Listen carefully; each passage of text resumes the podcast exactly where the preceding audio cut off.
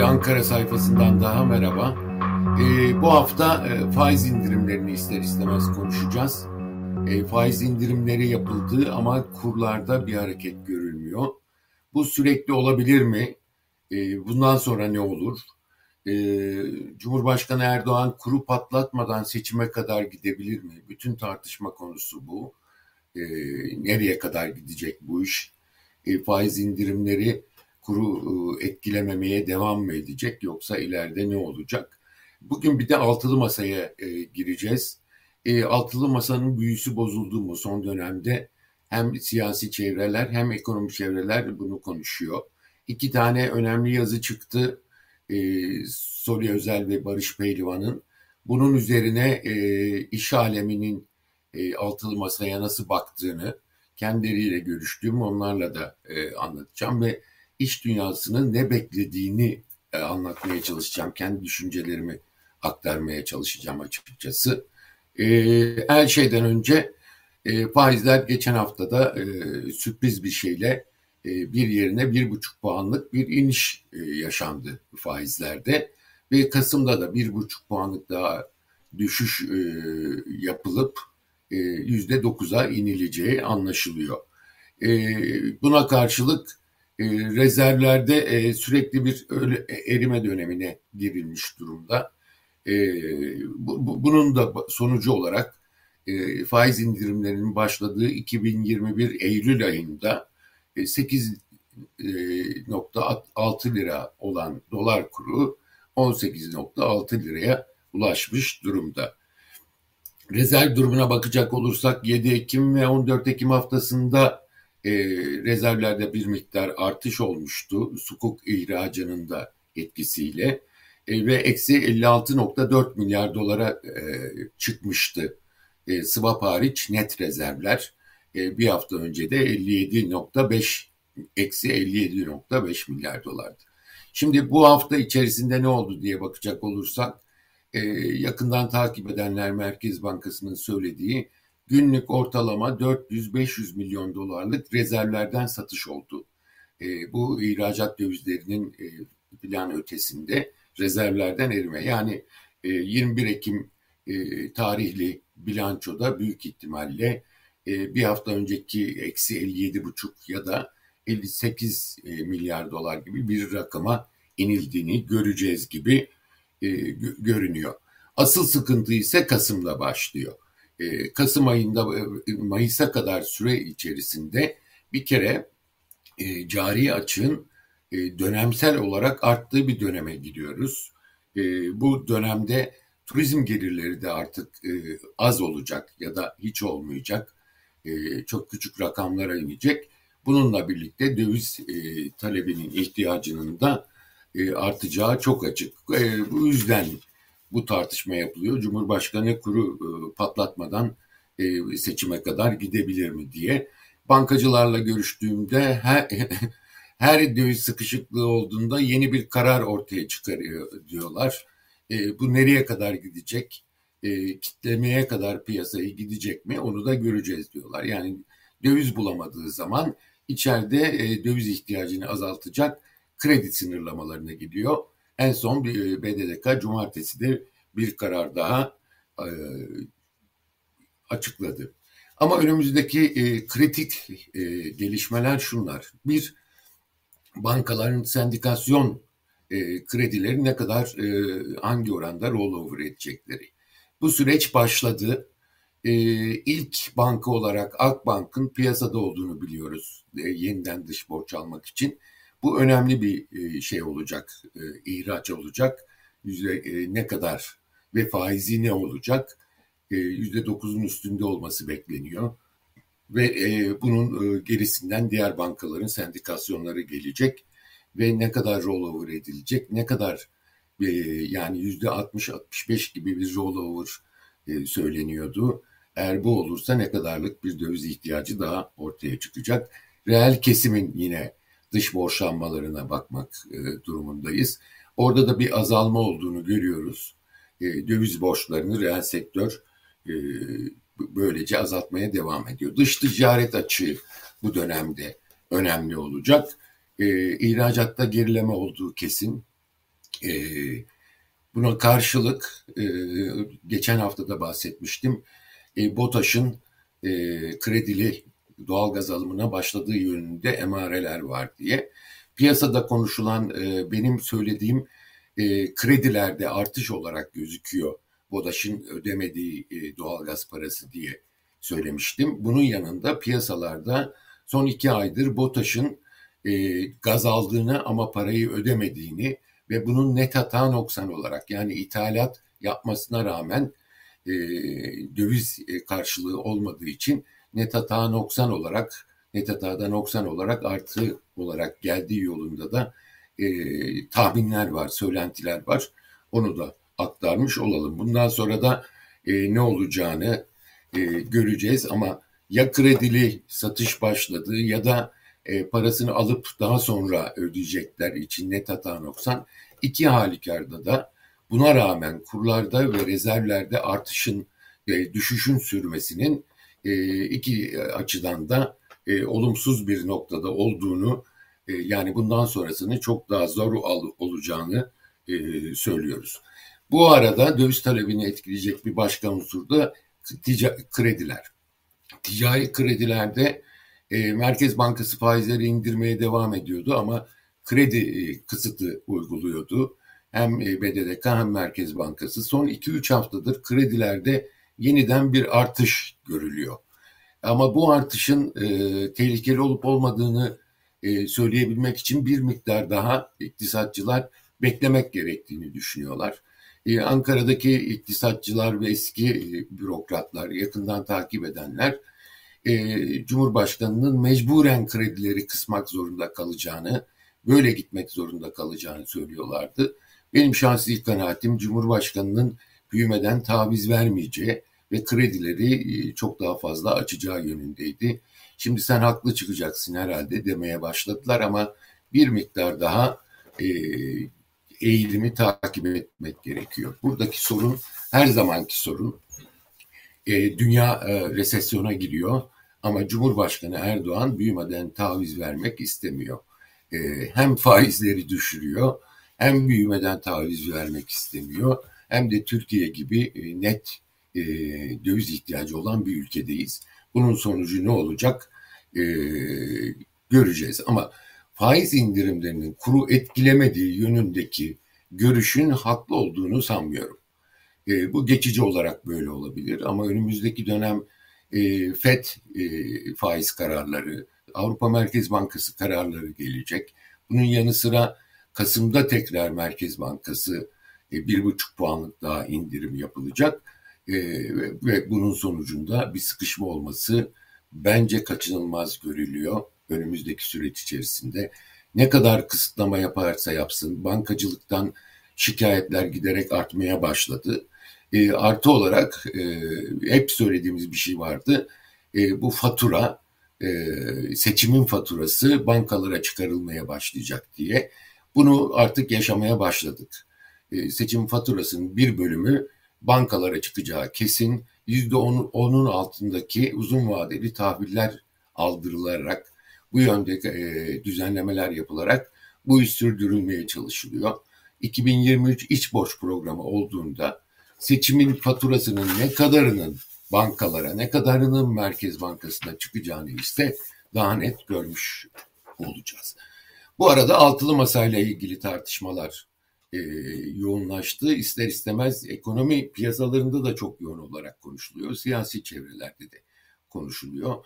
Bunun sebebi işte türbanla ilgili CHP'nin açılımı, Amerika seyahati, onun onunla birlikte şu birleşti. E, Tayyip Erdoğan'ın Cumhurbaşkanı e, seçimleri için oy oranlarını 2 puan civarında arttırdığı e, konuşuldu. E, bununla birlikte de sürekli tabii ki altılı masadan artık politikaları açıklaması, adayı açıklaması yönünde talepler geliyor. Bu hepsi birleşince bir moral bozukluğu, bir panik havası seziliyor. İbrahim Uslu'nun dediği gibi aydın kesimin e, moral bozukluğuna çok teşne, e, hemen telaş yapıyorlar ama değişen bir şey yok diyor İbrahim Uslu. Ben bu görüşe daha çok yakınım. Hatalar yapıldığı kesin çeşitli vesilelerle E, ama e, çok değişen bir şey yok. Altılı masala çalışmaya devam ediyor. Cumartesi günü yeniden toplandılar. E, komisyon tekrar toplandı. Benim öğrendiğim kadarıyla komisyon üyelerinden partilerde e, belirlenen başlıklar altında çalışmalar yapılıyor. Daha sonra bu komisyona geliyor. Komisyonda ortak bir hale getiriliyor. Anlaşılan anlaşılamayan kısımlar daha sonra liderlerle görüşülecek ve bunun hızlı bir biçimde yürüyeceği e, söyleniyor. Bir anlamda şunu görüyorum, e, piyasadaki e, siyasi çevrelerdeki ihtiyacı e, altılı masa fark etmiş durumda ve bunun için çalışmaları hızlandırmış durumda. Geçtiğimiz hafta iki tane önemli yazı çıktı. Biri Solya Özel'in yazısıydı politik yolda. Daha çok e, CHP lideri Kemal Kılıçdaroğlu'nun adaylığına dönük e, bir eleştiri yazısıydı. E, bunun yanı sıra Barış Pehlivan'ın bir yazısı çıktı. E, Bilge Yılmaz'ın, e, İyi Parti Genel Başkan Yardımcısı Bilge Yılmaz'ın TÜSİAD'la ilişkileri konusunda, TÜSİAD'ın e, Bilge Yılmaz'ı çok istemediği konusunda ve Bilge Yılmaz'ın da yanıtları vardı buna. Bütün bunlar üzerine TÜSİAD'a yakın kaynaklarla, özellikle TÜSİAD'da belirleyici olan büyük, en büyüklere yakın kaynaklarla yaptığım görüşmeleri aktarmak istiyorum. Benim gördüğüm kadarıyla edindiğim izlenim e, TÜSİAD'ın bir kere altılı masaya karşı olması diye bir şey söz konusu değil. E, ve genel çoğunluk olarak bir iktidar değişiminin her şeyden önce e, şart olduğu görüşünü belirtiyorlar. Bu değişimin artık kaçınılmaz olduğunu ve Türkiye'nin önünün açılması her açıdan, e, toplumun her kesimi açısından bunun e, elzem olduğunu söylüyorlar. Ama önce Bilge Yılmaz'la ilgili görüşlerini söyleyeyim. E, Bilge Yılmaz'la görüşen arkadaşların şahsi düşüncesi ne olur bilmiyoruz ama TÜSİAD olarak e, bizim görüşümüz Ali Babacan'ı tutuyor da değiliz, Bilge Yılmaz'ı tutuyor da değiliz. Biz Meral Akşener ve Kemal Kılıçdaroğlu'nun vereceği kararı e, uygun bir karar vereceklerini düşünüyoruz. Zaten ekonomi politikaları konusunda farklılıkları yok. E, bir ekonomi yönetimi e, gelecektir, makul politikalar e, olacaktır diyorlar. E, yalnız beklentileri iyi bir iletişim politikasının altılı masanın olması bir an önce e, artık e, diplomasi yani dış politika ve ekonomi konularında yapılacakların ortak metnin bir an önce çıkması gerektiğini e, söylüyorlar ve bunun üzerinden yürümesi gerektiğini söylüyorlar. Soruya Özel'in TÜSİAD'ın danışmanı olması e, TÜSİAD'ın Kılıçdaroğlu'na karşı olduğu yolunda da bir izlenim yaratmıştı. Aslında Soli Özel, e, Ruşen Çakır'la Medyaskop'ta e, konuştu. Kendisinin kişisel görüşleri olduğunu, hiç kimsenin bunları tartışmadığını, tartışılması gerektiğini, e, o yüzden bu yazıyı yazdığını söyledi. E, artı olarak da e, Kemal Bey aday olursa e, oy veririm diyerek de olayı biraz daha yumuşatmış oldu. Aslında TÜSİAD'a bakacak olursak da e, burada da adaylık konusunda e, birileri tercih ettiği yolunda TÜSİAD'ın görüşler var. Benim e, izlenimim şu, anketlerde kim daha fazla fark atacaksa, kim daha büyük farkla kazanacaksa onu destekleme yolunda bizim tavrımız diyorlar. E, ve o yüzden bir kişiyi daha fazla destekledikleri anlamı çıktığını sanıyorum. E, umarım da böyledir. E, e, bana söyledikleri gibidir görüşleri. E, benim öğrendiğim kadarıyla zaten o e, altılı masadan çıkacak üç asıl adı geçen adaydan e, Kemal Bey ikinci sıraya yükselmiş durumda. Şimdiye kadar hiç görüş açıklamamış e, ama ismi dolaşan e, diğer bir aday adayı da hala birinci sırada. Ama şu açık, e, bütün anketlerde Kemal Kılıçdaroğlu'nun Cumhurbaşkanı Erdoğan'a üstünlük sağladığı çok açık bir biçimde e, gözüküyor. Böyle bir durumda ortada duruyor. Bu arada e, TOB'a bakacak olursak Odalar Birliği'nden ses çıkmıyor. İş dünyası diye olarak baktığımızda e, TOB'dan ses çıkmıyor. Çünkü TOB kendi derdiyle meşgul daha çok. Oda seçimleri var ve bu oda seçimlerini biraz e, dikkat çekmek gerekiyor. Çünkü e, iktidar kendisine yakın e, oda başkanlarını seçtirebilmek için e, ilgisi olmamakla birlikte top seçimleri için YSK'yı bile devreye sokup Antalya e, Ticaret ve Sanayi Odası'nda gördüğümüz gibi kendi adayını seçtirmek için yargıyı da e, kullandığını görüyoruz. Ve bu e, durum birçok odada böylece geçerli. Ama e, Odalar Birliği daha çeşitli bir yerdir. E, TÜSİAD e, siyasi görüş olarak daha homojen bir yerdir. E, topda çok daha değişik kesimler var. Orta Anadolu, e, Karadeniz gibi yerlerde e, ideolojik olarak e, iktidarı destekleyen oda başkanları var ama e, hem batıda, e, Ege'de ve de Güneydoğu'da e, iktidarın değişmesi gerektiğini söyleyen oda başkanlarını, bunları açıkça söyleyemezler odalarda e, ama özel görüşmelerde bunu söylediklerini biliyoruz. Yani bir değişim iş dünyasında genel olarak bakıldığında e, iktidarda bir değişimin e, olması gerektiği görüşü çok daha e, baskın gibi görünüyor. Ama tabii ki burada AKP'nin desteği de her zaman var. Ama burada çok önemli bir şey ortaya çıkıyor. E, bunu iş dünyasıyla da ara ara tartışıyoruz. E, iş dünyasını ne bekliyor dediğimizde e, şeyde de vardı Barış Pehlivan'ın yazısında da 2000'li yılların başındaki politikalar olmaz e, diye özetlenen bir şey. Tam ne anlama geldiğini, ne kastettiğini bilmiyoruz Bilge Yılmaz'ın. Ama şurada şöyle bir gelecek olacağını e, bütün iş dünyası da bilmek zorunda. E, bunun tesvihat çevresinde bir miktar bir, oluştuğunu görüyorum.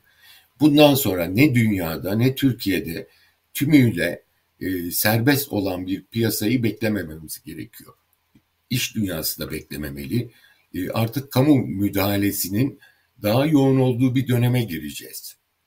Kamuculuğun öne çıktığı bir döneme gireceğiz ve buna göre e, herkesin önlemini buna göre geleceğe hazırlanması gerektiğini düşünüyorum. Bu ne demek? Şu anda kamu müdahaleleri sözde e, piyasa ekonomisi olduğunu hepimiz biliyoruz. Kamu müdahaleleri en üst düzeyde zaten ama bunu ilkesel olarak ve sistemli bir biçimde ortaya çıkması gerekiyor.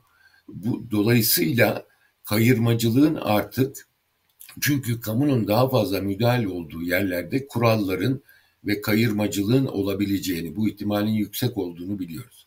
Bu nedenle de bence iş dünyası kurumsallaşmayı e, teşvik etmek zorunda.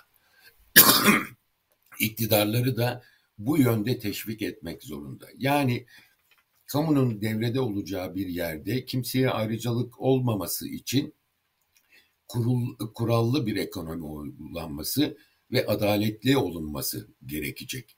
Bunun için belki mekanizmaların daha da oluşturulması gerekecek. Nedir? Merkez Bankası bağımsızlığı gibi diğer bağımsız kurumların devrede olması, bunların siyasi etkilerden uzak olması aynı zamanda iş dünyası içinde, halkın uzun vadeli çıkarları içinde e, geçerli olan bir şey. Ama e, bununla birlikte şimdi merkez sağ iktidarların da teşvikiyle şimdiye kadar benim gördüğüm iş dünyası kurallı ekonomiyi istese bile kendine ayrıcalık tanındığı sürece bu kuralların esnetilmesinden yana oldu. Maalesef bu böyle oldu ve müteahhitlik sektörünün çok büyük bir baskısı var. E, iş dünyası adına müteahhitlik sektörünün ve son 20 yıl zaten ANAP dönemi gibi bir müteahhit dönemi oldu ve bu müteahhitler tümüyle iş dünyasını yansıtmamalı. İş dünyası bu e, müteahhitlik e, tabii ki tümüyle müteahhitleri söylemiyoruz ama müteahhitlik sektörüyle temsil edilen e, daha e, aşırı fahiş karların olduğu bir e, dönemi sanayiden farklı olarak e, işte rantların ortada, kamunun yarattığı rantların ortada döndüğü bir sistemi artık e, geri gelmeyeceğini görmesi lazım ve bunu buna ayak uydurması lazım. Kurallı ekonomiyi istemesi lazım kendileri için ayrıcalık e, tanındığı sürece bu işin e, mevcut sistemin sürmesine artık destek vermemesi gerekiyor. E, bunu açıkça görmek gerekiyor. Aksi takdirde e, siyasi kamunun da müdahaleci olduğu bir dönemde e, siyasi hataların fazla olma ihtimali yüksek. Bu da iş dünyasını e, fazlaca etkileyecektir. Bir başka benim şahsi düşüncem şu. Ben uzun yıllardır bunu söylüyorum. Türkiye gibi bir çok çeşitli olan bir ülkede, her açıdan çok çeşitli bir toplumsal katmanları olan bir ülkede koalisyonların kaçınılmaz olduğunu artık e, sermaye kesimi de e, kabul etmek zorunda. Yani açıkça şeffaf koalisyonlar olmadığı zaman geçmiş dönemde FETÖ olayında olduğu gibi ne kadar gizli e, koalisyonların olduğunu, şu anda yine bir başka biçimde AKP ile başka kesimlerin koalisyon içinde olduğunu görüyoruz. Bunların şeffaf yürümesi lazım. Artık devlet e, mekanizmasının şeffaflaşması lazım. NATO döneminin e, devlet örgütlenmesinin her tarafta bittiğini, artık Türkiye'de de bitmek zorunda olduğunu ve daha şeffaf bir sistemin gelmesi gerektiğini artık kimsenin unutmaması gerekiyor. Bunun için de e, hem e, tercih edilecek adaylar konusunda çok daha demokrasiye inanmış e, kişilerin, şeffaf olmaya çalışacak e, kişilerin, yeni bir e, Tayyip Erdoğan olmayacak kişilerin seçilmesinin ben çok daha e, fazla öneme sahip olduğunu, hem e, toplumun tüm kesimleri için e, daha fazla öneme sahip olduğunu e, söylemek istiyorum. İş dünyasının da artık e, zaten çok tepki çeken e, bu iki yüzlü e, ve vahşi kapitalizm sembolü olan tavırlarını e, bitirmesi gerektiğini düşünüyorum. Ve yeni dönem bunun için büyük bir şans olabilir. Zaten e, çok e, önemli bir e, değişim dönemindeyiz ve Türkiye'nin avantajları olduğunu görmek zorundayız. Ama istikrar diye tek kişinin güçler ayrılığının olmadığı bir sistemin ülkeyi getirdiği hali hem kendimiz için hem çocuklarımız için görmek gerektiğini düşünüyorum ve iş dünyasının da umarım e, kurallı e, bir piyasa ekonomisinden yana tavır aldığını e, göreceğiz. Biraz şanslı düşüncelerimi bu hafta fazla anlatmış oldum ama e, yeri gelmişti. E, bir dahaki hafta buluşmak üzere.